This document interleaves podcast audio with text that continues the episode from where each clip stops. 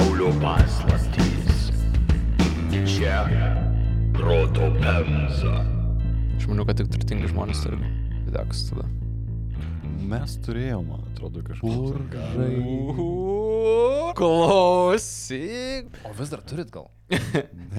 Nėra O išleiskim proto pemzus. uh, Videką. Ne, vide, ne Kaip dabar, tipo, e, kaip dabar leidžia muzikos grupės kasetėm albumus, nes tipo cool, tai reikia mums VCR YouTube'ės super ne kasetė. eco-friendly, plastmasė, dažyta ant kokių tai nykstančių paukščių sparnų viskas. Count me. Sveiki visi įsijungę dar vieną, o kažkas galbūt net savo pirmąjį Proto Pemzos epizodą. Su jumis iš Pralaušk vieną šaltą studijos Vilniuje sveikinasi podcastas, kuris tikimės pro jūsų ausies kanalus skverbėsi rečiau nei vatos lasdelės, bet dažniau nei Sauliaus Prusaičio muzika. Šiandien, kaip ir visada, tenka garbė mikrofonais dalintis su gerais bandžiuliais. Radau tokį žodį. Bandžiuliai. Bandžiuliai, taip. Daugkartinis trumpiausias kantrybės ir ilgiausias tylos čempionas Aivaras. Džambu. Ir vis tiek pauzė. Ta pauzė. Kurį? Kurį? 172 km nuo šios studijos tikrasis Lenkijos reikalų ministeris Tomas. Ahoj, hoj. Gero laiko pavaduotojas ir vidurnakčio nihilistas Vilius. Gerą laiką pavaduoti. Labą vakarą, mėly klausytojai. Ir aš pramoginių paistalų ir priverstinės poezijos pilotas Povilas. Wow. Šiandien pasakojimas prasidės Šiaurės Lietuvoje, tęsis už Atlanto, kur faktai suks viražus net ne po vieną valstiją. Atiduodamas duoklę savo įstrai aviacijai ir jūsų negalėjimui manęs užčiaupti, pasirinkau tarpukario Lietuvą įkvėpusią ir tą patį jos kvapą sulaikusio jaunuolių iš Čikagos istoriją. Tai nebus Dariaus ir Girėjano istorija, bet tai bus istorija apie pirmosios Lietuvanikos nesėkmės įžieptą norą pabaigti jų žygdarbį. Jūsų teismui ir mano pasitenkinimui Drumroll. Felikso Vaitkaus ir jos skrydžio per Atlantą istorijos pirmoji dalis. Feliksas Vaitkus. Nežinau, ar Povilai tu buvai paminėjęs epizodo pradžiai, bet, uh, mėly klausytojai, didžioji dalis mūsų nežinoja, kad šiandien bus epizodas apie Feliksą Vaitkų ir tai yra visiems naujiena. Who the fuck is Feliksas Vaitkus? Feliksas Vaitkus buvo tarpukario pilotas ir e, savo gyvenimo Amerikoje metu jis buvo įkvėptas pirmosios Lietuvanikos pakartoti jų skrydį per Atlantą. Tai šiandien papasakosiu, kaip jam sekėsi gimti ir gyventi. ir pakalbėsim, kas apskritai buvo Feliksas Vaitkus ir apie ką buvo šitas jo norimas atlikti žygdarbis. Trumpai apie šaltinius. Iš skaitytų knygų buvo Dalės Naujalienės knyga Felikso Vaitkaus skrydis per Atlantą, Jasiūno nuostabi knyga albumas The Second Transatlantic Flight, 35-ais Kaune Balčiūnaitės išleistas specialus laikraštis Feliksas Vaitkus ir Lietuanika 2, mano mėgstamiausias tinklapis Plienos sparnai, Ditos Mildažytės išleista trumpa dokumentika ir visas įmanomas internetas apie šitą istoriją.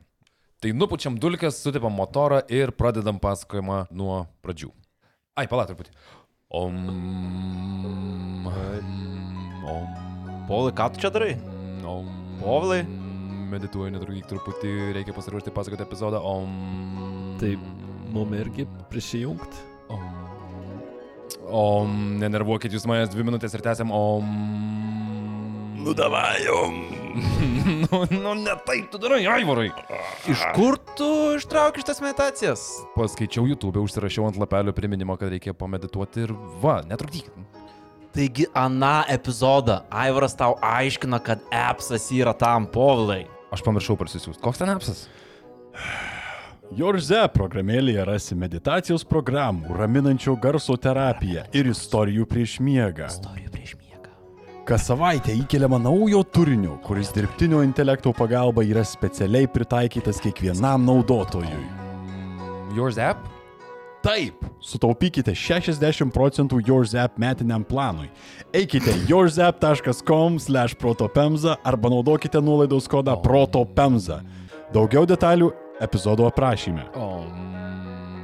O tai koks nuolaidos kodas, pala, gali priminti? Proto Pemza. Arba eik į yourzap.com/protopemza. Ai, ok. okay. Ir tada galėsim pamedituoti kartu. Om.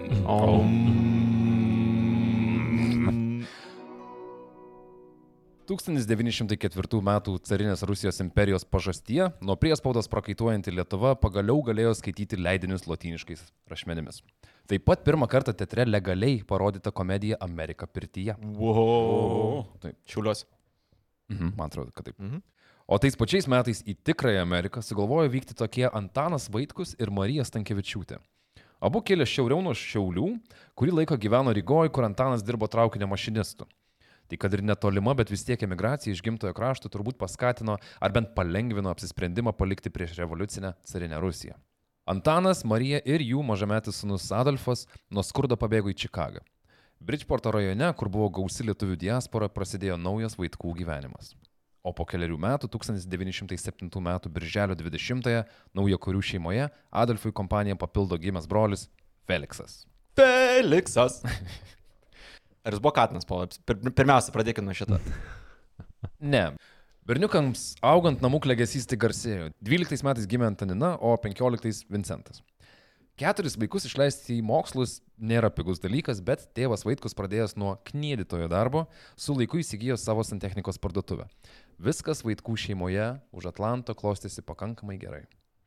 Antragimis Feliksas mokyklai buvo gabus, mokėsi, kaip rašo, gerai, bet banguotai, o kaip pasakojo draugai, Feliksas buvo linkęs į melancholiją, bet užsispyręs ir stropus, o jį įžeidus pyktį slėpė po ironišką šypseną. Tai gal- Pasyviai agresyvus. tiesiog. Gaudo peraus ir šipsodavos. Gerai, gerai, atsiminsim. 1926-aisiais Feliksas įstojo į Čikagos universitetą. Filosofijos ir verslo vadybos studijos turėjo. Čia rimtai filosofijos Taip, ir verslo filosofijos ir vadybos verslo studijos. vadybos. Wow. Taip, Čikagos universitete, 26. Tai bent miksas. Okay. Mhm. Tai šitas miksas turėjo nuraminti Felikso tėvus, kad sunaus laukia puikiai ateitis. Gimtinėje muiluotų kilpų smaugiama laikmečio istorija Feliksui būtų nusišypsojus tik tai labai skilėta šypsena, palyginus su tuo, kokius horizontus leido apžergti svečia šalis. Bet suma sumarum, tai vis tiek svečia šalis, o ne tėvynė. Mhm. Po poros metų aukštojo mokslo vadovėlių graužimo įkarštyje kažkas Feliksui neduoda ramybės. Kaip rašo autoris Visvalda savo knygelėje. Jaunuolis susimasto. Jis turi kažkokį planą. Jau keletą dienų jis sprendžia painų klausimą. Sprendžia vienas. Tik iš veido matosi, kad čia įvargina ne dienos rūpeščiai, o ateities klausimai. Atsiprašau, čia kiek, kiek metų mūsų jaunuolių yra šiuo metu? A, Mūsų jaunuoliui yra 20. Tai jo. 20 metais jaunuolis 20 galvoja, ką daryti apie savo, dėl savo ateities. ane? Taip, 20-21 jam Cool. šiuo metu. Malodės, Feliksai, aš iki 30 nespėjau. Podcastus rašinėjai. Feliksas apsisprendžia. 1928 Liepą jis meta studijas universitete. Pats dar nežinodamas, kaip smarkiai šitas sprendimas pakeis jo gyvenimą, Vaitkus palieka Čikagą ir nori mauti į vakarus. Tai nebuvo aukso ar kino karjeros paieškos, vakarų pakrantį tikrai buvo išvaizdingesnių vyrukų nei jis. Kai Čikaga yra per mažai vakarai, kai gali dar vakarau. Ne? Geras gyvenimas, ne? Čikaga yra, matai, vi, per daug vidury esantys vakarai. Sprendimas priimtas. Feliksas įstojo savanorių į kariuomenę. Bet kodėl? Karas jau pasibaigęs gerą dešimtmetį, bet Visvalda teigia, kad priežasties reikia ieškoti Felikso jaunystėje. Dar smarkiai prieš stodamas į kariuomenę Vaitkus žavėjosi lėktuvais. Jo broliai interviu yra pasakoję, kad Feliksas jau nuo vaikystės iš medžio gamino lėktuvų modelius, o lūžio tašku galėjo būti pirmasis skrydis, į kurį jį pasiėmė vyresnysis brolis Adolfas, kuris buvo Wisconsin Flying Club narys. Wow, tai čia visiškai BDS turėjo būti, jeigu turi vyresnį brolių, kuris fucking skraido. Aš įsivaizduoju. Ir ne ant narkotikų, iš tikrųjų skraido. Ir gali tave pasimti. Mhm. Jo, uh, leisk. Uh, Wanna get high. And they did. And they really Iš tikrųjų.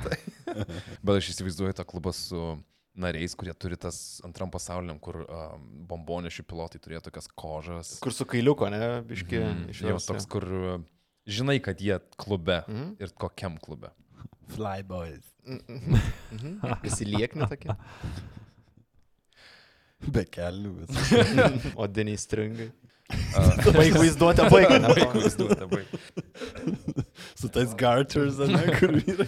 Ten irgi kailiuko biškai. yra. Uf. Ir pats nepraktiškiausias užtruktukas prieki.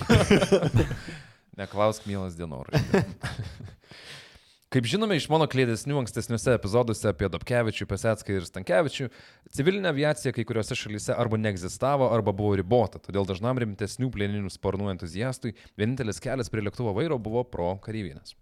O aviacija tuo metu trendino labiau už visas pasaulio Teslas aplipintas NFT lipdukais ir Kanye West Instagram postus. tai trumpai pasikartokim stebuklų eigą, tam, kad geriau suprastume, kas galėjo dėtis Felikso galvoje. 1903 pirmasis pilotuojamas brolių skrydis. 1914 prasideda didysis karas, if only they knew, Mhm. kuriame didelį vaidmenį atlieka lėktuvai. Prieš prasidedant pirmajam pasauliniam karui JAV turėjo šešis lėktuvus, prieš įsitraukdama uh, 17 jau 280, o karui pasibaigus beveik 8000. Kongresas nusprendė taip greitai kepti lėktuvus, kad nebuvo kam juos gaminti. Dėl to senose istorijose galite rasti, kad lėktuvus surinkinėjo automobilių gamyklos. Lėktuvų prikepta tūkstančiai, juos kažkas turėjo ir pilotuoti. Karas skraidimo populiarumo bombos daktį patrumpino kaip reikiant, tai galim tik pasvarstyti, kiek 11-mečiui, kai karas baigėsi, gali padaryti įtakos tokios naujos mados. Pokariniai lėktuvai ir jų dalys pasklido po technologiškai pažengusias šalis, todėl pamatyti kažką skrendant būdavo vis dažnesnis įvykis. O Amerika trečiam ir ketvirtam dešimtmetį svaigsta nuo lėktuvų. Pokariniai skraidimo asai, kaip pavyzdžiui Edvardas Rickenbacheris ar Chesteris Wrightas, namie sutikti kaip herojai, skraidimas pritraukia vis daugiau dėmesio ne tik iš nusiteikusių išgirsti istorijas ar žiūrėti į dangų, bet ir iš aktyviai norinčių sudalyvauti. Taip iš karo grįžę pilotai įsidarbina skraidindami žmonės už tam tikrą mokestį, prasideda uh, aviacijos šventės, vis didesni ir geresni modeliai kasmet išleidžiami. Kol kas tik karo danguje gaudė variklių garsai buvo prijaukinti sklęsti virš smalsių žmonių galvų. Ir visas šitas timelapsas, šita istorija telpa į vieną nepilną Felikso jaunystę. O kodėl nepilna? Nes nežinau, kur jaunystė. Matai, jisai dar 21 tik tai dabar yra. Mhm. Europos Tai- Sąjungos kontekste vis dar jaunuolis. Tai 20 ir net ne 30 vienerių. Nu, būtent. Europos Sąjungos kontekste iki kelių. 35, man atrodo. Yes. Feliksui Vaitkui buvo 21, kai jis sugalvojo, kad filosofija ir verslo administravimas gali palaukti. Reikia eiti į kariuomenę, reikia paskraidyti. Filosofija visada gali palaukti. Pasakė kiekvienas darbdavys pasaulyje. Pabuvęs Fort Riley dalinė uh, Kanzase, 1929 Feliksas persikėlė pagaliau į vakarus, tikruosius į Kaliforniją, kur pateko į Marchfield lakūno mokyklą. Kalifornijoje mokėsi 8 mėnesius ir jau kaip jaunesnysis leitenantas ir gabus mokinys. Iš ten buvo išsiustas toliau mokytis aukštojoje karo aviacijos mokykloje San Antonijoje, Teksase. Tai pradėjęs Čikagoje, į Kanzasą, į Kaliforniją per nepilnus dviejus Mhm. metus į, uh, ir į Teksasą. Ant kiek įdomiau, kai pagalvoju, negu kokiam Marcinkui, nes jau panašaus amžius, man rodos, septintais gimęs buvo. Septintais irgi.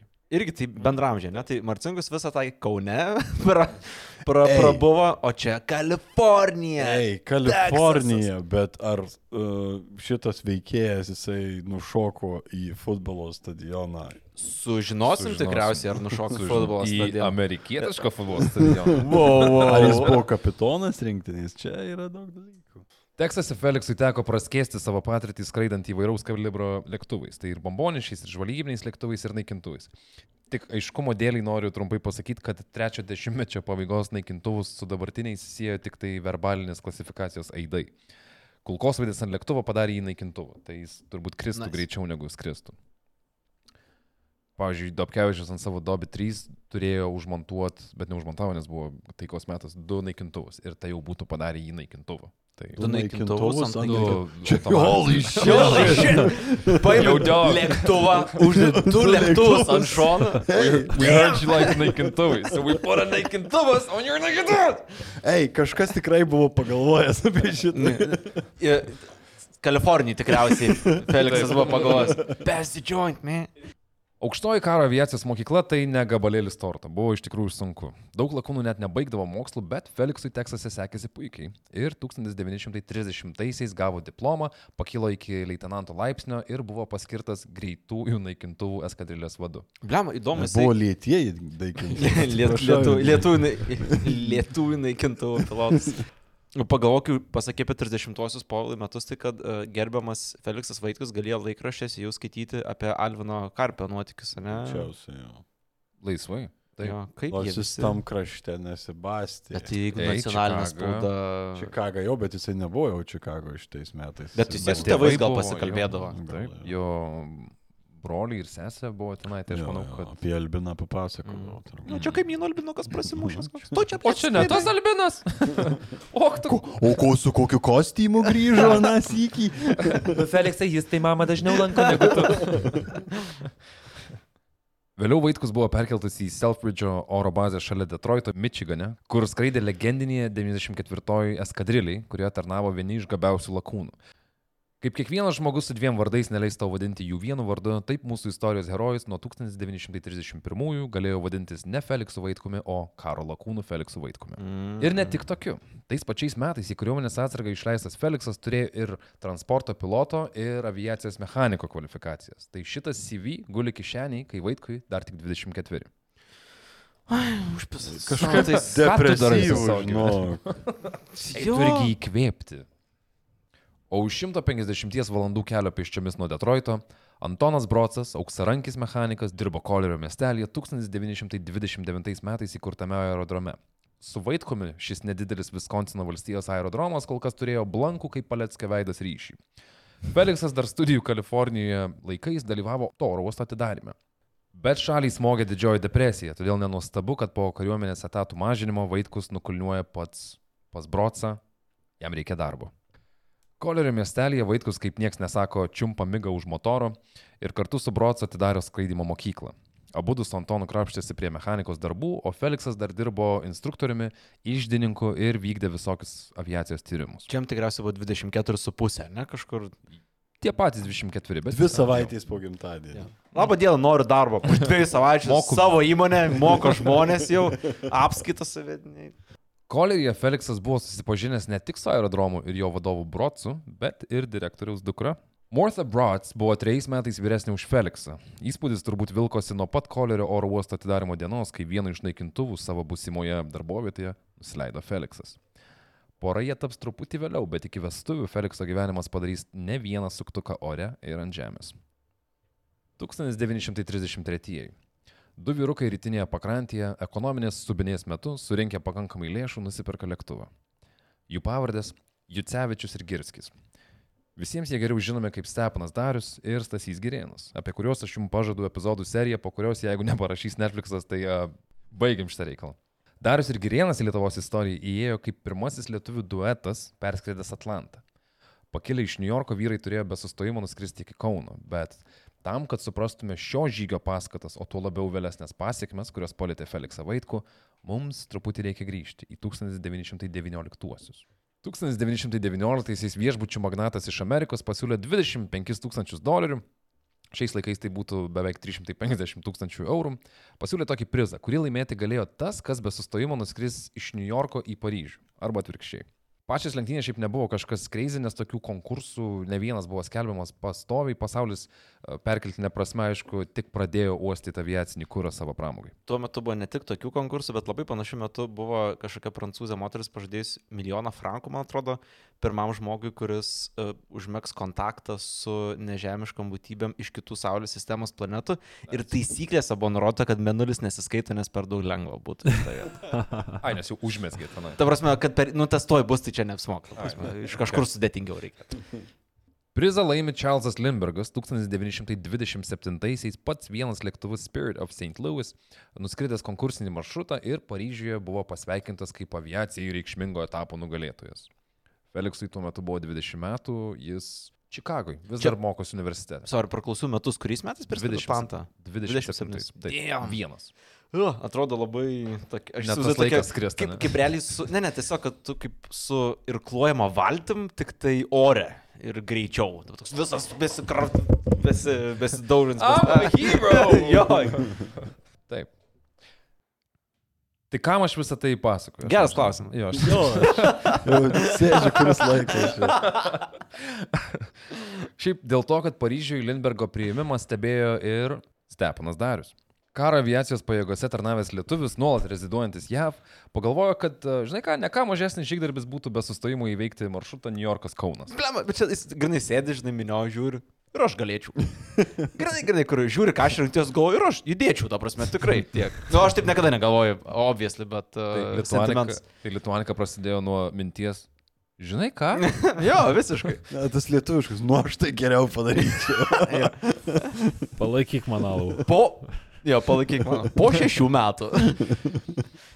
Taip prasidėjo pažintis su Girėnu, atsirado oranžinė Lituanika ir atėjo 33 Liepa, kai Lindberginė svajonė aviacijos vadovėliuose turėjo būti pažymėta lietuviškom spalvom. Feliksas didžiavosi Darius ir Girėno pasiryžimu. Pilotas pilotą supranta. Todėl Čarlzo Lindbergo kaip pirmojo solo Atlantą perskridusio piloto pasiekimas ir pačiam Feliksui, kaip rašo Visvaldo, kėlė vilionių. Ir va, kas buvo tik mintise ir angaro kampe paslėptose svajonėse, dabar vyksta iš tikrųjų. Ir lyg po žiemos užkurtas dizeliukas brusda ne tik angarai, bet ir vietos lietuviai, laikraščių antraštės ir kolektyvinė ekspatriatų sąmonė. Bet dėja. Amerikiečiai lietuviai lakūnai Darius ir Girenas išskridę iš Najorko su orlaiviu Lituanika garbingai perlėkė Atlanto vandenyną ir visai netoli nuo sienos vokiečių Pomeranijoje pritrūkus benzino nukrito tarp medžių, abu žudami orlaivio skeveldrose. Labai įdomi versija, kad pritrūkus benzino, ta prasme. Neplėtosim šito, pasiliksim Jo, bet tiesiog- tam 8 parteriui apie Darių ir ir suprantu, kad uh, iš dabartinės perspektyvos, ta prasme, kad tuo metu tai tikriausiai atrodė, nor, nu, baigtis benzinas visiškai, visiškai normalu, bet atrodo toks, jų mirti priskiria tokiam visiškai nepasirašymui, žinai, kur tu, e, maždaug užteks, ne, vieną kanistriuką per mažai pasiemė ir nukrit. Sužinojęs, kad Lietuvanika nepasiekė Kauno, Feliksas, kaip kiekvienas lietuvis, žinia priėmė skaudžiai. Pilotų paliktas testamentas įpareigojo jaunąją kartą įvykdyti šitą žygdarbį, jei jiems tai nepavyktų. Pamažu nuoskauda dėl nelaimės pakeitė mintis, kad tai jis galėtų užbaigti Lietuvanikos pradėtą darbą. Bet tai tik ir liko mintimis, nes niekam nežinomas 26 metų skraidimo instruktorius iš Čikagos neturėjo nei tinkamo lėktuvo, nei lėšų, nei minties, nuo ko reikėtų pradėti tokią patriotinę avantūrą. Crowdfunding. Bet Lietuvanikos skrydžio pakartojimas kai kam pasirodė įmanomas ir netgi būtinas. Praėjus porai mėnesių po katastrofos laikraštyje Tevinė buvo išspausdintas skelbimas, kuris kvietė norinčius ir galinčius lietuvius lakūnus po metų pakartoti Lietuvanikos skrydį.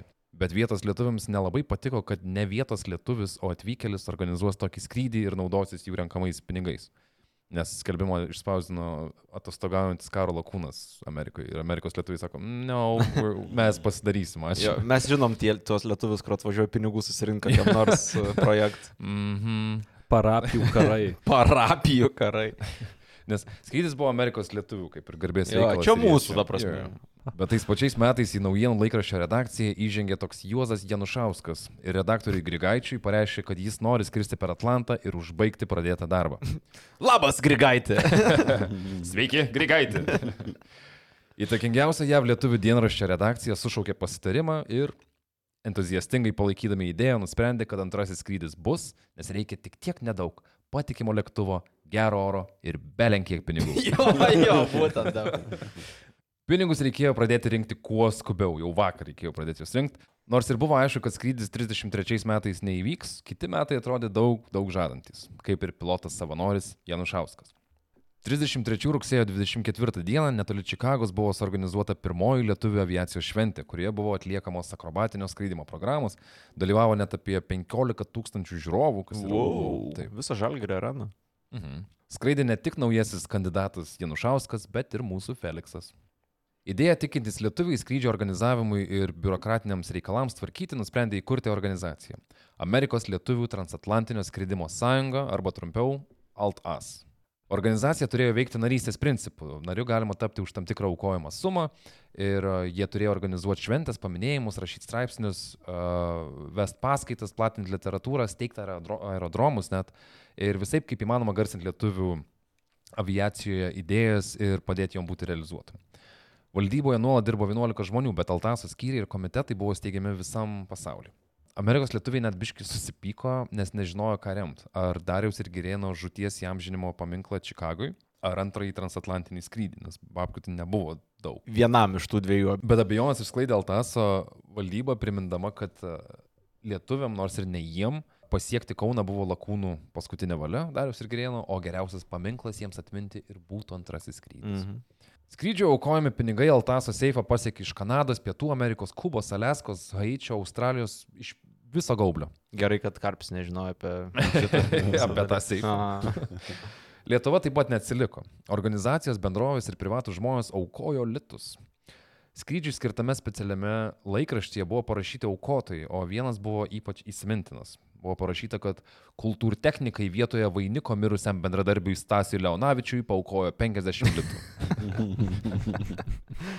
Labai uh, konceptualu iš tikrųjų. Čia kaip tos Facebook'o uh, gimta, gimtadienio uh, paramos rinkimo kampanijas. Šiaip tai labai gražus gestas, Pavlai, kad tu Stasį Leonavičių paminėjai ir šitam epizodė. Man atrodo, kad e, tas paukojęs žmogus būtų e, įvertinęs tai, kad dabar transliuojam po beveik šimto metų visą Jo. pasaulį. Geriausia investuoti 50 litų. Vainikas būtų sudžiūvęs, o čia eterija Jo. skambės amžinai. Ačiū, Stas. Ačiū Stasio kolegoms. Per maždaug penkis mėnesius iš švenčių ir aukų buvo surinkta beveik puspenkto tūkstančio dolerių. Tai šiandien būtų 85 tūkstančiai eurų. Atsirado ir sukčių, kurie bandė rinkti lėšas, nors su skrydžiu neturėjo visiškai nieko bendro. Bet Altasas pasirinko skaidrumu su šitu kovoti ir visokiuose laikraščiuose ir atsišaukimuose skelb, kiek kur kada ko surinko. Mm. Turėdami bendrą tikslą, lietuviai vieningai atvėrė pinigines ir širdis. 1934 Burbank, Kalifornija.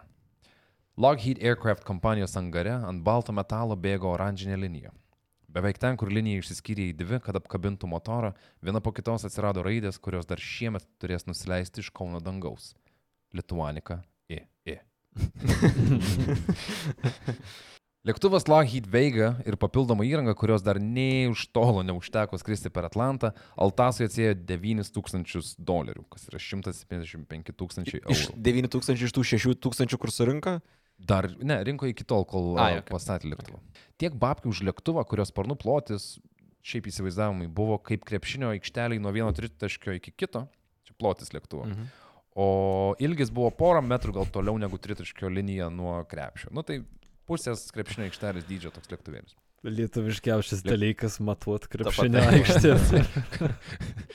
Lėktuvas buvo naudotas e, keturių metų senumo, anot brėžinių didžiausias greitis 290 km per valandą. Dėm, visai greit. Iš ten Janušauskas ją prasiskraidino į Čikagą, kur už savaitės įvyko lėktuvo krikštynas. Kaip studento, ne, ta prasme, reikia peiti per visą salę, ten apmėto mėsom, kokiom miltais. Jis iš Čikagos, kol nukeliavo iki Kalifornijos, paskui skrido ten keturias dienas ir su sustojimais visur ir taip toliau. Žodžiu, čia big deal, nes jis sustodavo lietuvių, kaip vadino, kolonijose. Ir tiesiog, kad pasirodytų, nes buvo kandidatas, kurį visi dabar jau žino, reikia jį preizinti ir dėl to reikia aukot babkės. 34 balandžio 22 smūgių į propelerį su eikvot gero šampano butelį buvo pasirinkta Altaso pirmininko dukra. Lėktuvas pakrikštytas Lietuvanika 2, nors Amerikos lietuviai, kurių į renginį susirinko net 7000, orlaivį vaidino meiliau - baltoji gulbė. Bet iš tų 7000 dalyvių, pamirškim bent jau 6999 žmonės. Labai gerai. Toje šventėje ir susikaupkime ties vienu, kuris su aviaciniu seilėtekiu nužiūrinėjo baltąją gulbę iš Kalifornijos. Į juodą kostiumą įsispraudęs Feliksas tądien buvo Fort Lansingo oro uoste ir nebuvo šansų, kad jis praleistų tokį istorinį įvykį. Nusifotografuoti ir paliesti lėktuvą, kuris jau greitai trinktels ratais tėvų krašte, buvo neįmanoma jo dviejų horokrusų difuzija. Yra nuotrauka išlikus? Yra netgi, aš skaičiau, kad krikštynos buvo nufilmuotos. Tai kažkur giliam, giliam skladukė šiuo metu slepiasi ta. Bet nuotraukų, nuotraukų yra. Yra nuotrauka, kaip ta Altaso pirmininko dukra Venta, jos vardas, 13 metė, stovi su tokiu. Baldų komplektas koks. Venta 3. turėjo atsirasti iš kažkur. Nu. A, jinai stovi su to butelio tokiais šiepus ir jau dauž a, šampano butelį į lėktuvą. Ir Vaitkus yra nusifotografavęs.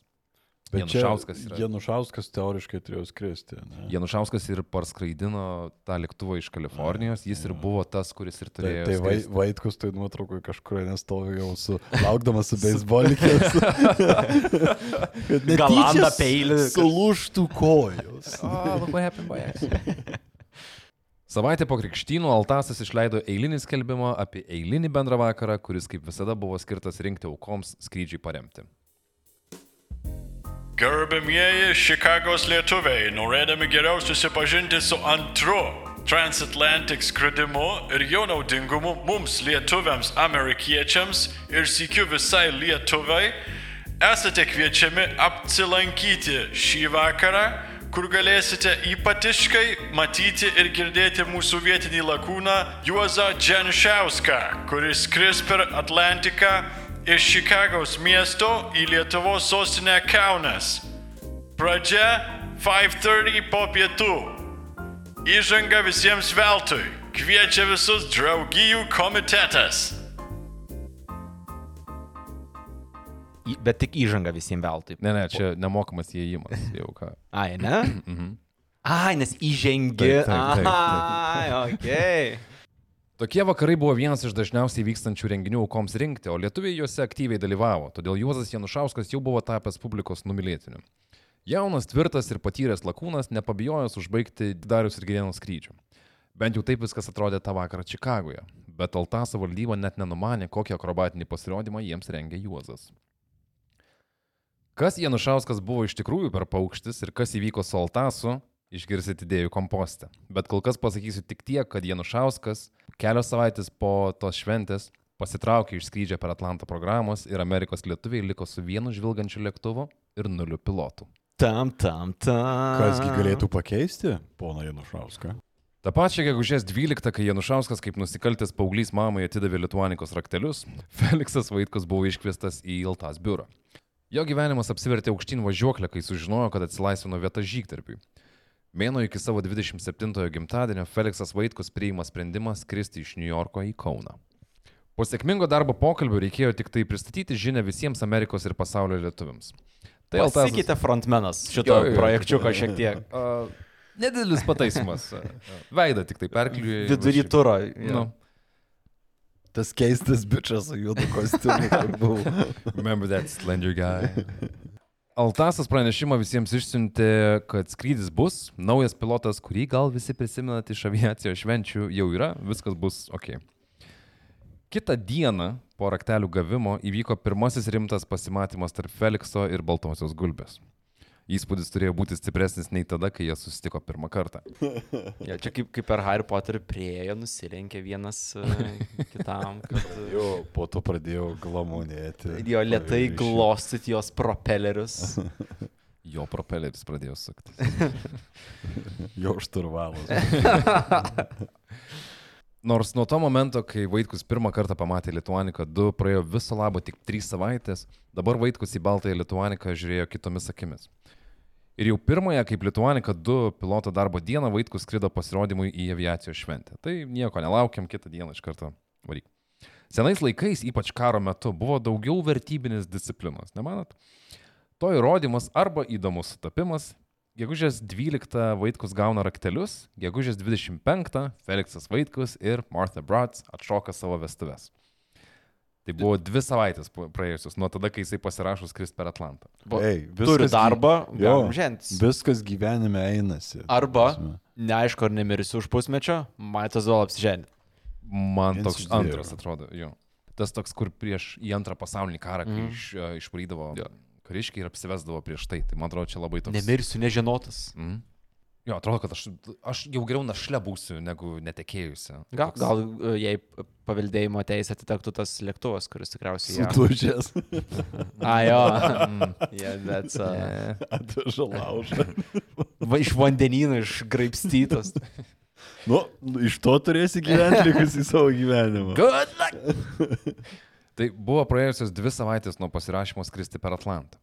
O pasirašyta buvo situacijai, kuri Altaso buvo jau prieš kurį laiką sustiguota. Nuo pat sutarties pasirašymo, sąlygos buvo kaip ir Janušauskui tos pirmosios, iki birželio 30 Vaitkus per savaitę, bent, tai nuo gegužės vidurio iki birželio 30 per pusantro mėnesio, per savaitę Vaitkus bent kartą dalyvavo kokioje nors aviacijos šventėje, nekalbant apie vakaronės ir pristatymus. O kur dar turėjai pasirūpinti a, rėmėjai nuostabą, kad a, čia ne tas bičias, kur mums sakė, kad bus. Tai tas charming maudas įjungtas pilnu. Taip, ir tu neturi pasirinkimo, nes tu dar turi sugerti visų tą nuostabą ir dar būti fainas ir dar fainesnis už tą. Mhm. Taip, taip. Skrydžiui įvykti trūko kelių esminių dalykų - pilno lėktuvo paruošimo ir gero oro. Antrajam įtakos neturi tai, ko reikėjo pirmajam - tai pinigų. 34 birželį buvo skaičiuojama, kad reiktų dar tik tai kokių 10 tūkstančių dolerių. Tai Ai, tik. Jo, jo, tai šiandien būtų 200 tūkstančių eurų. Birželį, 34. Skrist yra geriau vasarą. Tai realiai turi 2 mėnesius ir čiūrus laikyti, kad Mhm. a, viskas bus gerai ant dangų. Kas čia tai yra? eik. Minor stuff. Todėl Felixas ir buvo tampomas po visus renginius, kad tik būtų surinkta pakankamai lėšų lėktuvo detalėm, kurios buvo tikrai brangios. Viskas buvo brangu, bet vienos šventės metu Filadelfijoje Vaitkus gavo dovanų šilkinį parašiutą ir aviatoriaus kepurę, kuri radau, kad kainavo 205 dolerius, kas kainuotų 10 tūkstančių eurų šiandien.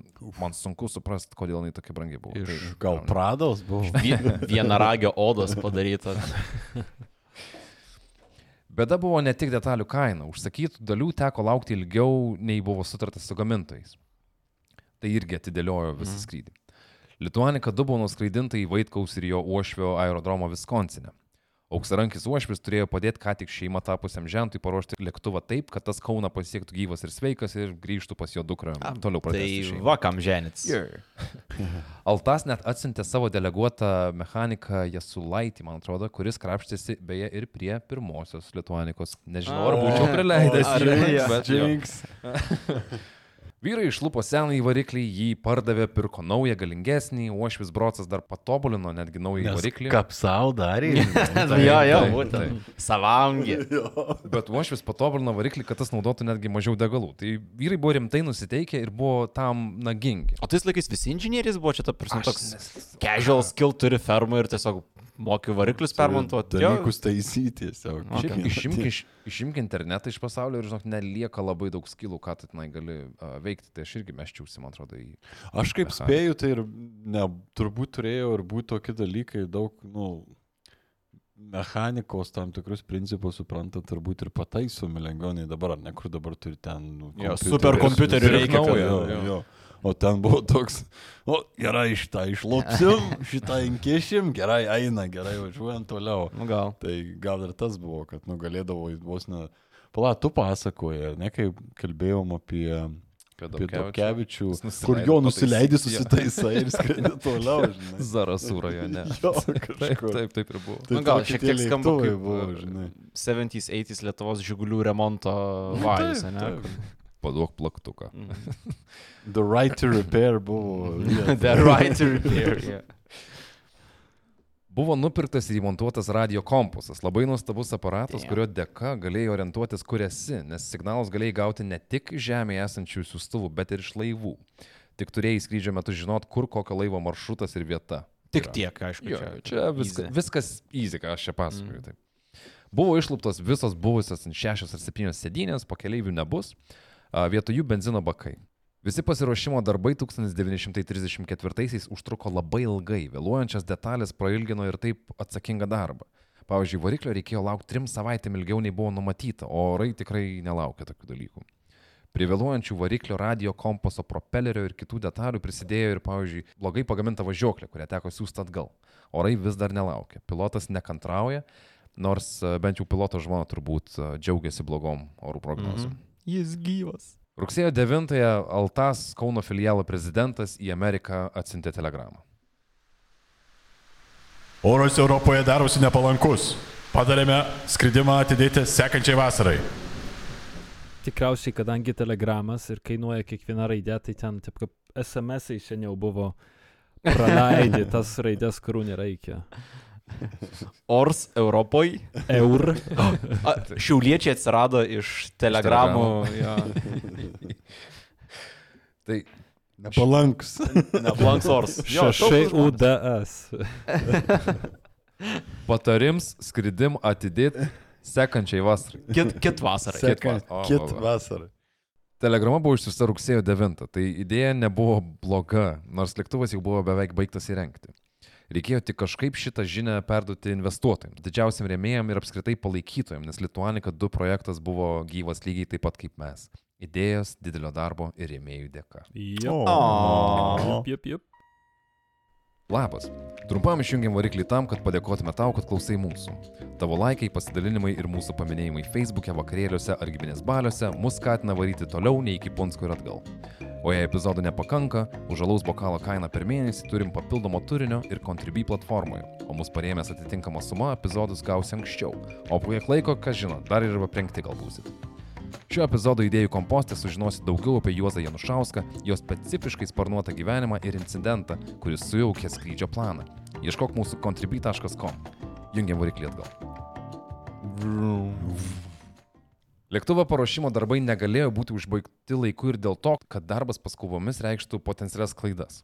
Skubaus darbą velnės sveja, ne? Va, va, ypač virš vandenino, tamsoj, lietui, vėjyje.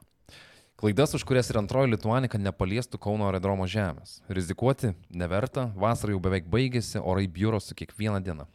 Altasui teko apgalvoti skrydžio atidėjimo galimybę ir visiems savo padaliniams išsiųsti žinutę, kad būtų informuota visuomenė. Visi transatlantinio skrydžio rėmėjai gali būti ramus. Skridimo idėja nemarinama, sumanimas nelaidamas. Jei bus nutarta atidėti, tai tik tam, kad būtų kuo labiausiai užtikrintas jo pasisekimas. Bet šita žinutė Amerikos lietuvių susirinkimuose kažkodėl nuskambėjo per tyliai.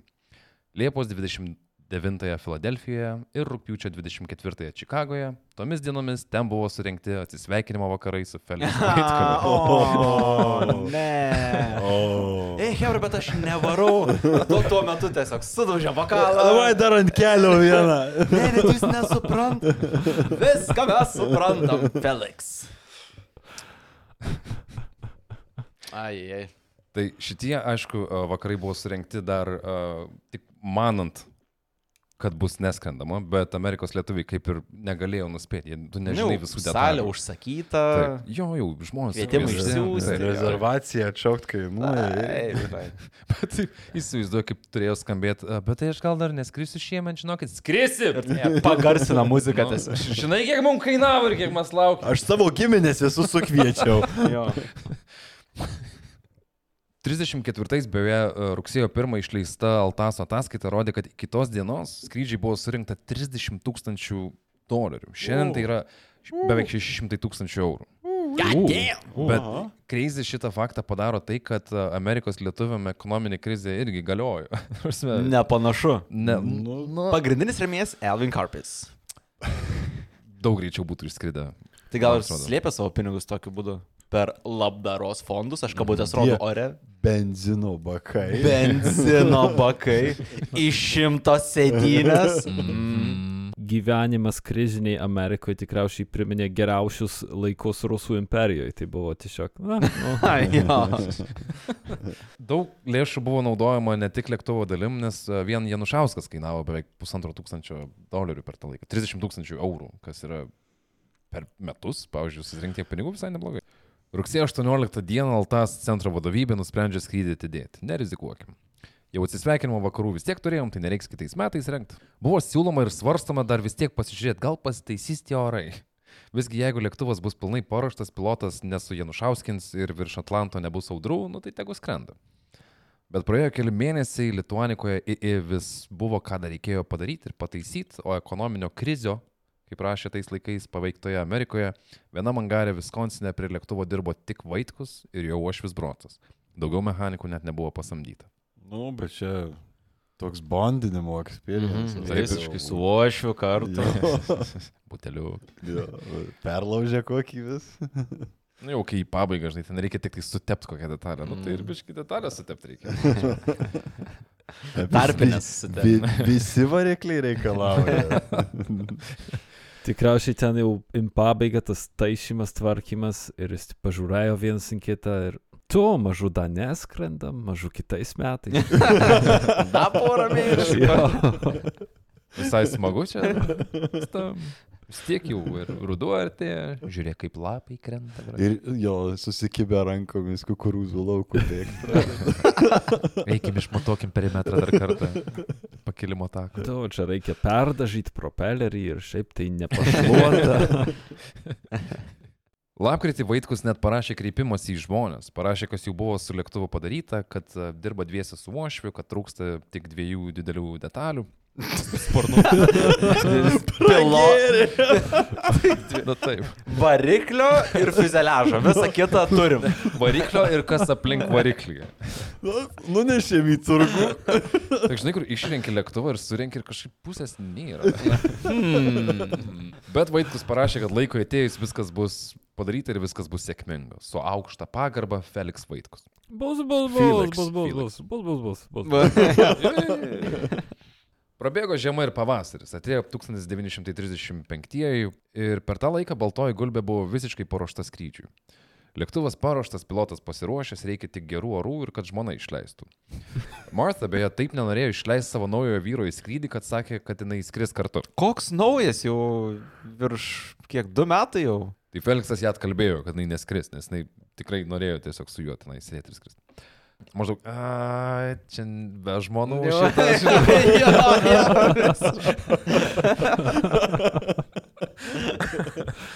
Gal kitą kartą. žinai, Aš esu. Ne, ten, tau nepatiktų Kaunas. Jo, ne, ne. Pasitikimo šventė. Buvo suderinti visi šalių, per kurias bus skrendama leidimai. Vaitkus net išlaikė egzaminus po privalomų kursų transatlantiniams pilotams. Pasirodo, kad tokie jau buvo. Suderintas maršrutas, pilotas atestuotas ir patvirtintas kaip tinkamas pilotuoti orlaivį, kuris taip pat atitinka visus legalius ir sėkmės kriterijus. Ček, ček, ček. ne? Taip. Felixas išsiuntė informacinį laišką, kuriuo valdyba ir visuomenė informavo apie savo maršrutą ir priežastis, kodėl taip nusprendė skristi. 1935 m. gegužės 7-ąją, beveik metai po to, kai Lietuanikos II rakteliai sužvangėjo Felixo rankose, Altas valdybos narys, naujienų redaktorius ir pagrindinis skrydžio organizatorius daktaras Pijus Grigaitis laiške rašė. Leitenantas Vaitkus norėtų prieš birželio mėnesį užbaigti visus savo važinėjimus po piknikus, bankietus ir kitokius parengimus, įdant jam dar laiko, kiek pasiliktų poilsiui. Jisai ketina išskristi Lietuvon apie vidurį birželio mėnesio. Per paskutinės dvi savaitės turės būti nevarginamas jokiais kvietimais į svečius ar viešas pramogas. Klausyk kaip kosmonautas, Taip. koks nors astronautas, kaip arba pažiūrėsi. Taip. Nu, Toks rimtas. Taip. Tiesiog taip. Tep aš matau šitą, kad praktikoje tai reiškia, kad jis tiesiog dvi savaitės negers. Už tai, kad tie, tie, tie visi kvietimai į svečius ir viešus pramogos tai buvo, nu... Nu kas tai buvo? Pijokavimas. Jo, jo, Bet- girtuokliavimas. bet Aivar, vat Aivar, įdomu. Arba, arba dvi savaitės, ne tai, kad negers, dvi savaitės blaivysis jau nuo visų Taip, jie čia yra tiesiog atsistatyti. Detoks- Bet ar jis, kaip, pavyzdžiui, kaip boksininkas, jisai negali mylėtis visas tas dvi savaitės, pavyzdžiui, tam, kad up. savo Jo, fokus. dėl to ir netapom boksininkai. Taupyk Auginasi testosteroną. Taip, ba-. Jo, auginasi barzdą kaip krepšininkas, žinai, kad, Mm. mm. kad laimės neprarasti ir visą kitą. Aš čia noriu apie tai, žinai. Bet pagalvok, bičiui, kiek 35, uh, 28. Jesus Christ. 28 ir tu skrisi per Atlantą ir tu kartosi skrydį dviejų bičių, kurie užsimušė. Prieš tai įvyko penki, perskrido vieni per Atlantą. Čia klaida ir buvo, kad skrido dviese. Va dėl to ir žmonių neįmama. į skrydžius. Tai Lindbergas, jeigu būtų su Lindbergė neskridęs, tai nebūtų nuskridęs. Ne. Nebūtų. 120 procentų. Gegužės pabaigoje Vaitkus iš Uošvio aerodromo išskraidino Litu- Lituaniką. Čia oficialus pavadinimas buvo. Uošvio aerodromas. Uošvio aerodromas. Uošvio kabutėse, žinai, kaip Gaspadoriaus dešra. Ne, ne. Uošvio. Iškaba cepeliną XXXL. Tai Vaitkus išskraidino Lituaniką 2 į New Yorką. Floyd Bennett aerodromas, trečias angaras. Čia Lituanika 2 lauks savo skrydžio per Atlantą. Darius Rigerienas prieš mažiau nei dviejus metus kilo iš to paties aerodromo. Prieš skrydį Darius Rigerienas prieš mažiau nei dviejus metus apsigyveno tame pačiame The Half Moon viešbutyje kaip ir Felixas Vaitkus. Prietaringas pilotas turėtų visada ir likti oksimoronu. Į viešbutį atvyksta Vaitkienė su tėvu, Altaso nariai buvo surinkti dar keli atsisveikinimo jau tikrieji vakarai. Jau dabar tikrai. Taigi radom tas dvi detalės, kur trūko. Bet pirmosius du mėnesius Feliksas griežtai nesilankė jokiose vakaronėse. Vietoje to jis užsėmė lėktuvo bandymais, šiokiais tokiais remontais ir tiesiog ruošėsi didžiausiam įvykiui savo gyvenime. Kartelė, kaip pažiūrėsi, ar aukštai ar žemai, neužsimušk per tas keliasdešimt valandų tamsojo virš vandenyno. Čia Viskas klojosi gerai, viskas išbandyta. Vieno bandymo metu ant galinio uodegos rato Felikso kolegos rado prikibusi keturlapį dobilą. Sėkmės ženklai visur. Dar buvo istorija, kad vaikai buvo pas draugus svečiuose ir e, Martha nuėjo prie arklių, vienam davė cukraus gabaliuko ir kai jis nulaižė cukrų nuo jos delno, ant delno pasiliko keturlapis dobilas. Čia, žinai, girdi kažkur už, už, už, už ten tų arklidžių ir kažkas tokio. O, ti, ti,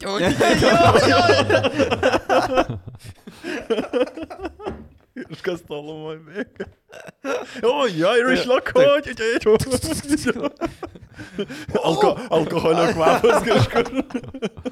Bet sėkmė, kuri lydėjo angare, danguje nesirodė. Orai buvo ypač prasti, todėl teko laukti ir laukti. Oro stebėjimo tarnybos Manhattano Battery parke direktorius James Kimball Vaitkui siuntė tik blogas prognozes ir patarimus laukti. Išskridęs į audrą ir šaltą orą rizikuoja sparnų apledėjimu, kas gali taip pabloginti aerodinaminės lėktuvo savybės, kad greičiau ratais atsimuši ne į Kauno aerodromą, o į Atlanto bangas. Įtampa visų mintise didino artėjantis ruduo, dar labiau sunervino incidentai. Pavyzdžiui, kažkas nukosijo saugomą benziną. Tiks- Tiksliau nenuvogė, o nupylė ir, man atrodo, atgal pripylė vandens. Tai čia būtų... Vai, automatiškai- dar blogiau. Gal kažkas iš Sovietų Rusijos atvažiavo. A, šiaip Rusijos, prasme, net, ne- nereikia taip toli, net ieško. Iš vaivados laiško. Šį laišką rašant oro stovis yra sekamas. Lėktuvas yra kuo geriausias perfect stovyje. Apart to nerimavimo dėl laukimo, Vaitkus yra geriausiam upė, smagus ir ramus. Vaitkus taip nekantrauja ir taip nori skristi, kad visai nesistebėčiau, kad netrukus jis imtų ir daktaro James Kimball perspėjimų nepaklausęs išskristų. O, koks tai šelmis, ne? Laikas bėgo, lėktuvas stovėjo, įtampoje didėjo, o lėšos mažėjo. Aerodrome vis tupėjo fotografai ir žurnalistai, laukė, kada bus tas skrydis jau pagaliau. Kas kart iš angaro išstūmus Lietuaniką kildavo sujudimas. Kiekvieną kartą taip. O, jau visi laukia Ne, man patinka, kai... Labai įdomu, kaip vat, tų laikų rašo kokį nors žiniasklaidos dalyką ir, ta prasme, fotografai laukia, kol... Ne tai, kad atvaro 15 minučių max, ta prasme, nufotkinti ir skris, bet ne, būna čia, vat, bus renginys Kaip per, kažkoks. Kaip per raketos į kosmosą paleidimą. Jo, kaina. nors. Dabar net ir to jau taip pat nebe...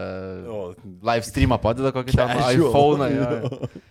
Nu, bet kaip Bet jo, laiku bet- būdavo, kad susirenka ten vos ne iš aplinkinių Jo. miestų ten ir panašiai žiūrėti, kaip, kaip kyla. Kas tai rodo, kad skrydis per Atlantą vis dar yra a thing, ta prasme, Mhm, toks verta siūsti savo fotografą, naudoti redakcijos resursus. Ir...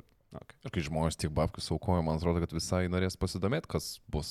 Iš to, ką tu pasakoji, atrodo, kad labai tokie gana aukšti skaidrumo reikalavimai yra Mhm. iškelti, kad jie ataskaitas rengia, sako, kada kiek iš ko kam surinkta ir taip toliau ir panašiai. Nu, aš atsiprašau, bet net dabar, kai kada... 32 km į rytus nuo Lietuvos Jo, dar nepasiekti iš ties standartų. Ne, ne, nesu, ne, ne, neatsiskaito, ta prasme, net pas mus ne visada atsiskaito už surinktus kažkokius pinigus. Tai čia yra, wow, toks tam laikui iškelta kartelį. Ir žinok, man tai įspūdis kilęs yra tokis, kad užsienio lietuviai ir toliau tokio, tokių standartų laikosi. Ir praktiškai yra dėl to šitaip, kad žmonės nešimestų pinigų, jeigu nebūtų to skaidrumo. Tu dėl to gali surinkti Mm. Mhm. uh, tiek daug pinigų, te daugiau nei šiandieną pusę milijono eurų. Dėl to, kad visi Mm. mato, dėl to, kad vat publikuoji. Čia yra tokia protinga praktika. Nice. Taip, ir Altasas gan daug susilaukė neigiamo dėmesio dėl tų lėšų skaidrumo, rinkimo ir visko, nes Ar ne? iš ne vieno asmens, tarkim, buvo įtarimų, kad ar jūs tikrai skaidriai tvarkot tas visas aukas ir tas visas lėšas. Ir kaip jūs Kad surinksite. jau du metus atidėliojot, metus atidėliojot tą. Ei, nu, dviejus metus tu rengi išskridimą ir da, jau per pirmus metus neišskridot.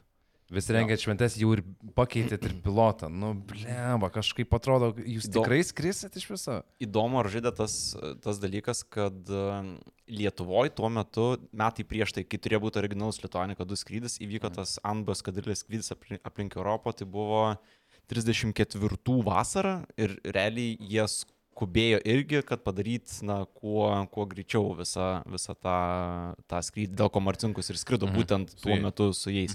Jo, ir žinau, kad Gustaitis, kuris tą Anbą skrydį organizavo, jis žinojo apie Lituaniką 2, bet nusprendė Lietuva kažkaip neprisidėti prie šito, nes užsimanė Gustaitis savo kažką padaryti. Mhm. Tai irgi atsirado šitas, šitas demo. Tai įdomu, ar Amerikos lietuvam veikia štai, kad, blema, ta prasme, jie ten savo vargę kažkokią pasidarė jau ir mes gal ten nebegausim irgi savo kažkokią tai jų dėmesio. Kaip patys Amerikos lietuviai sakė, tai čia jų garbės reikalas. Jo, grinant savęs, ne, ta Taip, prasme. Taip. 1935 rugsėjo 20. James Kimball atsiunčia Vaitkui žinutę, kad oras virš Atlanto vidutinis ir gal per ateinančią parą nebus blogas. Gal nebus blogas. Nėra geras. Užtikrinta, už, užtikrinama, žinote, tokia. Jo, jo, įkvepianti. Mhm. Pažiūrėjęs į kalendorių, Vaitkus turbūt suprato, kad geresnio šanso gali ir nebūti. Tais metais jau per daug visko investuota į šitą skrydį ir atidėlioti turbūt nebegalima. Altasai buvo pranešta, kad e, metas kilt. Pamegojęs kelias valandas, Feliksas nuvyko į aerodromą. Rugsėjo 21 rytas. Be žmonos ir uošvai išlydėti didvyrį atvyko apie šimtą žmonių. Feliksą apspito pagaliau savo momento sulaukę spaudos atstovai. Fotografuojamas Vaitkus atrodė ramus, atsakė į žurnalistų klausimus, o tada atsisveikino su žmona, pamojavo susirinkusiems ir įlipo į lėktuvą.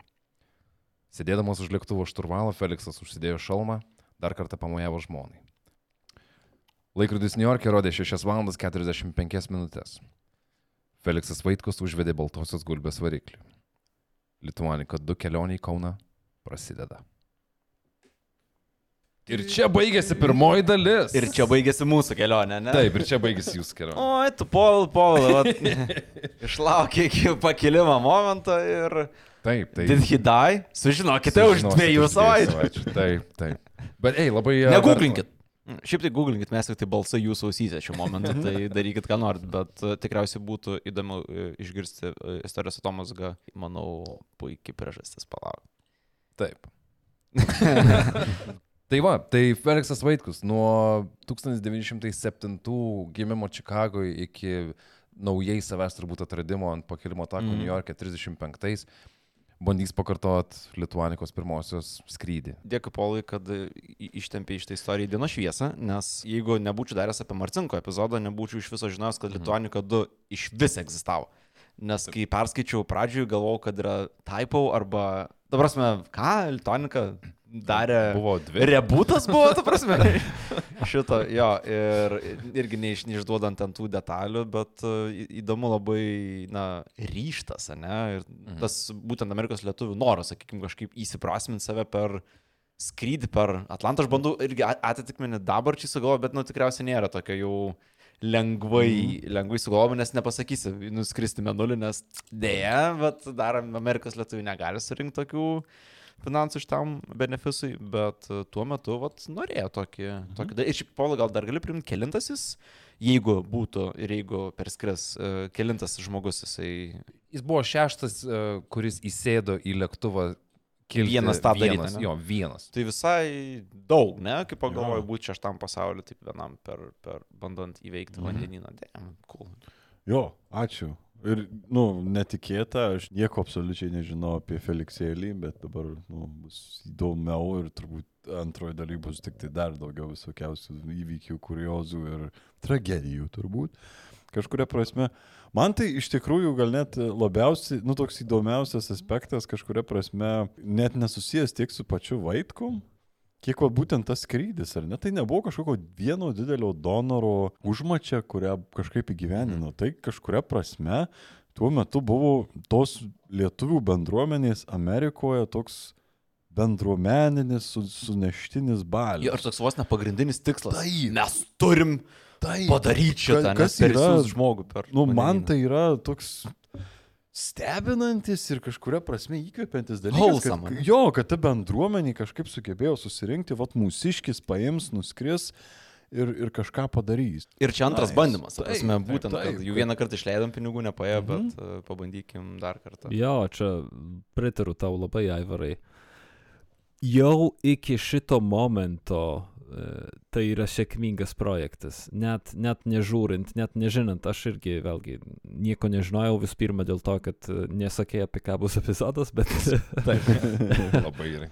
bet man čia yra sėkmė jau iki dabar dėl to, kad įvyko tas pirmas skrydis, e, kaip jis pasibaigė, žinom, bet kad atsistojo iš pelenų, užsispyrė vis tiek dabaigti šitą projektą, nuskrist, perskrist sėkmingai. Kai, kai kalbate apie sėkmingą projektą, tai man kažkaip vis tiek yra tas šiek tiek apmaudu, kad Anbo Lietuvoje pavogė e, griaustinį, bent jau 34 metų, nes Anbo pavogė visiškai Dariaus ir Girieno tą netekti ir pasiemė kaip, na, jų lietuvių Lietuvoje atpirkimas tos tragedijos buvo šitai. Ir nebūtinai turėjo tai būti, galėjo visgi būti tas tiltas bendrai, tas bendras projektas, bet atsirado kažkokių kitų interesų, kitų norų ir kurie irgi buvo forsuoti, skubinti tam, kad padaryti greičiau negu, kaip supratau, Lituaniką antrą padaryti. Tai, mhm. A, toks prarasta proga susisaistyti, gal Jo. stipriau, turėti bendrą legendą kažkokią šitą vietą. Taip, taip, jo. O dabar gaunas to, tokia šiek tiek situacija, kad iki dabar mes visi žinom pirmą Lituaniką, kas buvo Amerikos lietuvių, Lietuvos lietuvių kažkoks simbolis, bet tiek Ampas skrydis, tiek Lituanika 2, abu yra, nu jie du buvo, bet ne tas Ne, Di- Nedidelis tas pirmas, jo. kuris buvo, ne? Nepaisto, kad jie savo mastų yra dideli, bet simbolinė vertė kažkokiu būdu gavos. Kad būtų Lituanika 2 nuskridus planuotais metais, tada būtų tokias Jo! aviacijai Lietuvos vienas po kito, tokias išlošia. Taip, nes būtų ta pati vasara realiai buvus. Būtų amazing. Mm. Įdomu, kur Lietuvos aviacija, ar būtų pakilėjus kažkokį tokį savivertę, netgi didesnę, kuri gimdytų didesnius pasiekimus. Tikriausiai, Žinai, bet atėjus, atėjus sovietiniam barbarui irgi klausimas. Nes akivaizdu, kad to talento buvo ir vėliau, ar ne? Mes kalbėjom apie, apie Stankievičių, a, Taip, ne per seniausiai, kuris buvo jau vėliau ir kuris buvo, nu, Bet jų edukuotas sovietinėse mokyklose, o šitie Mhm. vis tiek yra dar kažkiek Nu jo. vietinio ragavę ypatingai iš. tas tiesa. Bet žinai, gal būtų visi lietuviai susėdę į lėktuvus Anbo ir skridę į Madagaskarą, pavyzdžiui, iš, iš, to, iš tų dviejų sėkmingų dalykų. Ei, bet e, tuo pačiu negalvokim, kas būtų buvę, jeigu buvę ir pasidžiaugim tuo, kas įvyko. Jo, jo, tai taip, faktas. Faktas. jo. Šią savaitę tiek, susitiksim už dviejų savaičių, o tik tai priminsiu, kad po savaitės, arba kad ir kada jau klauso šitą epizodą, idėjų kompostė daugiau sužinosim apie mhm. pirmąjį kandidatą daryti šiam skrydžiui ir priežastis, dėl ko Taip. nepaėjo. su Taip, nepamirškite mūsų sekti Facebook'e, Instagram'e, visur kitur, kur tik tai galima, Spotify, ateikite į contribui.com slash protopemza. Parašykite mailą mums. Parašykite mailą ar, ar pasikoliuojant, ar... Jo, ar pasakykit, kad pagiriant. mes per daug juokiamės, Jo, ar kad jo, lopai jo, esam, ar kad jo. faini esam. Nu, Neįdomias viskas- istorijas pasakoti. Jo, Jo, jo, bet gal, ką, gal neįdomu. O, Uh, jo. tuo pačiu, uh, ką šneka Lenkija. Taip, nepamirškite apsilankyti pas tavo Marcinkievičių. Hashtagas kažneka Feisbuke. Lenkija, lotiniškais rašmenim lenkiška š. Paskaitysit, kas, kas iš tikrųjų darosi Lenkijoje, o ne tai, ką jums sako mainstreaminė žiniasklaida. Ar galim šitą epizodą dedikuoti uh, Stasio Leonavičiaus atminčiai? Privalom, Tie 50 litų buvo neveltui sumokėti. tikrai taip. What? Viet, kur bendradarbiai vietoj vainiko Stasio. A, ok, sorry, ok, ok, gal kažką praleidau. Tu jau pamiršai Stasio inputą. Vat būtent dėl to šitą epizodą reikia skirti Stasiui. Reikia epizodo prašymuose, kad prasidėtų dedikuotas Stasiui Leonavičiui.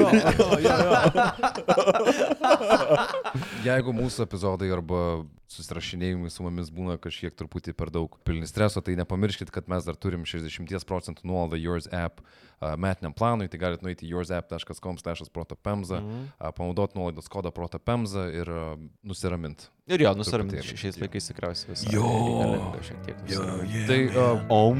taip. Om. Viso. Ate. Ate.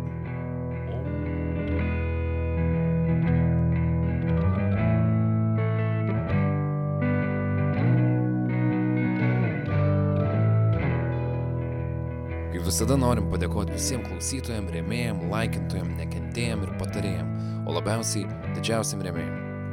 Simui, Simonui, Jovitai, Gabijai, Karoliui, Migliai, Jurgitai, Agnietai, Daliai, Gretkai, Ugniai, Adolfui, Sandrai, Medeinai, Austėjai, Marijui, Gabrieliai, Nerijui, Aistai, Linciai, Giedriui, Gerdai, Jolitai, Mindaugui, Ernestai, Viktorijai, Monikai, Gintariai, Gediminui, Editai, Kestučiui, Aleksandrui, Mindaugui, Eugenijui, Juliui, Semui, Dan, Doviliai, Rimantui, Vaidui, Mindaugui, Linai, Brigitai, Astai, Anastasijai, Arvidui, Mindaugui, Gretai, Sauliui, Edvinui, Donatui, Justinai, Pijui, Fonautui, Indrai, Akviliai, Rasai, Gretai, Ingridai, Greitai, Rokui, Gregui, Kerniui, Rūtai, Tomai, Vitalijai, Evelinai, Gabrieliui, Rolandui, Indrai, Gergerdai, Domantui, Aurimui, Evelinai, Justinui, Gretai, Artūrai, Jovitai, Simui, Dainiui, Eirimai, Mildai, Betonburniai, Ainui, Rasai, Simonui, Gretai,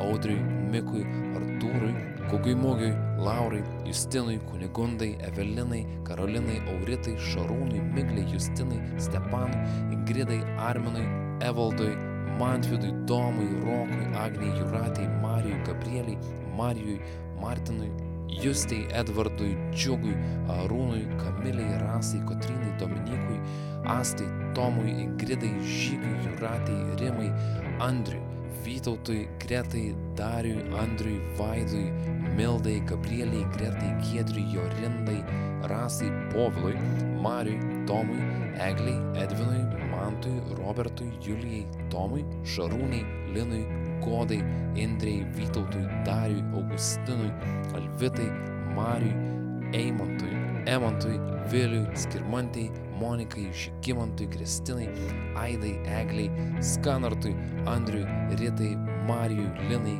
Gintai, Davidui, Pauliui, Inesai, Lukui, Gaudentui, Dariui, Remigijui, Audriui, Viliui, Povilui, Jėvai, Inai, Tadui, Aiščiui, Gailiai, Monikai, Mirandai, Jėvai, Rūtai, Urtai, Dievui Agurkui, Linui, Liudui ir Richardui. Ačiū Jums.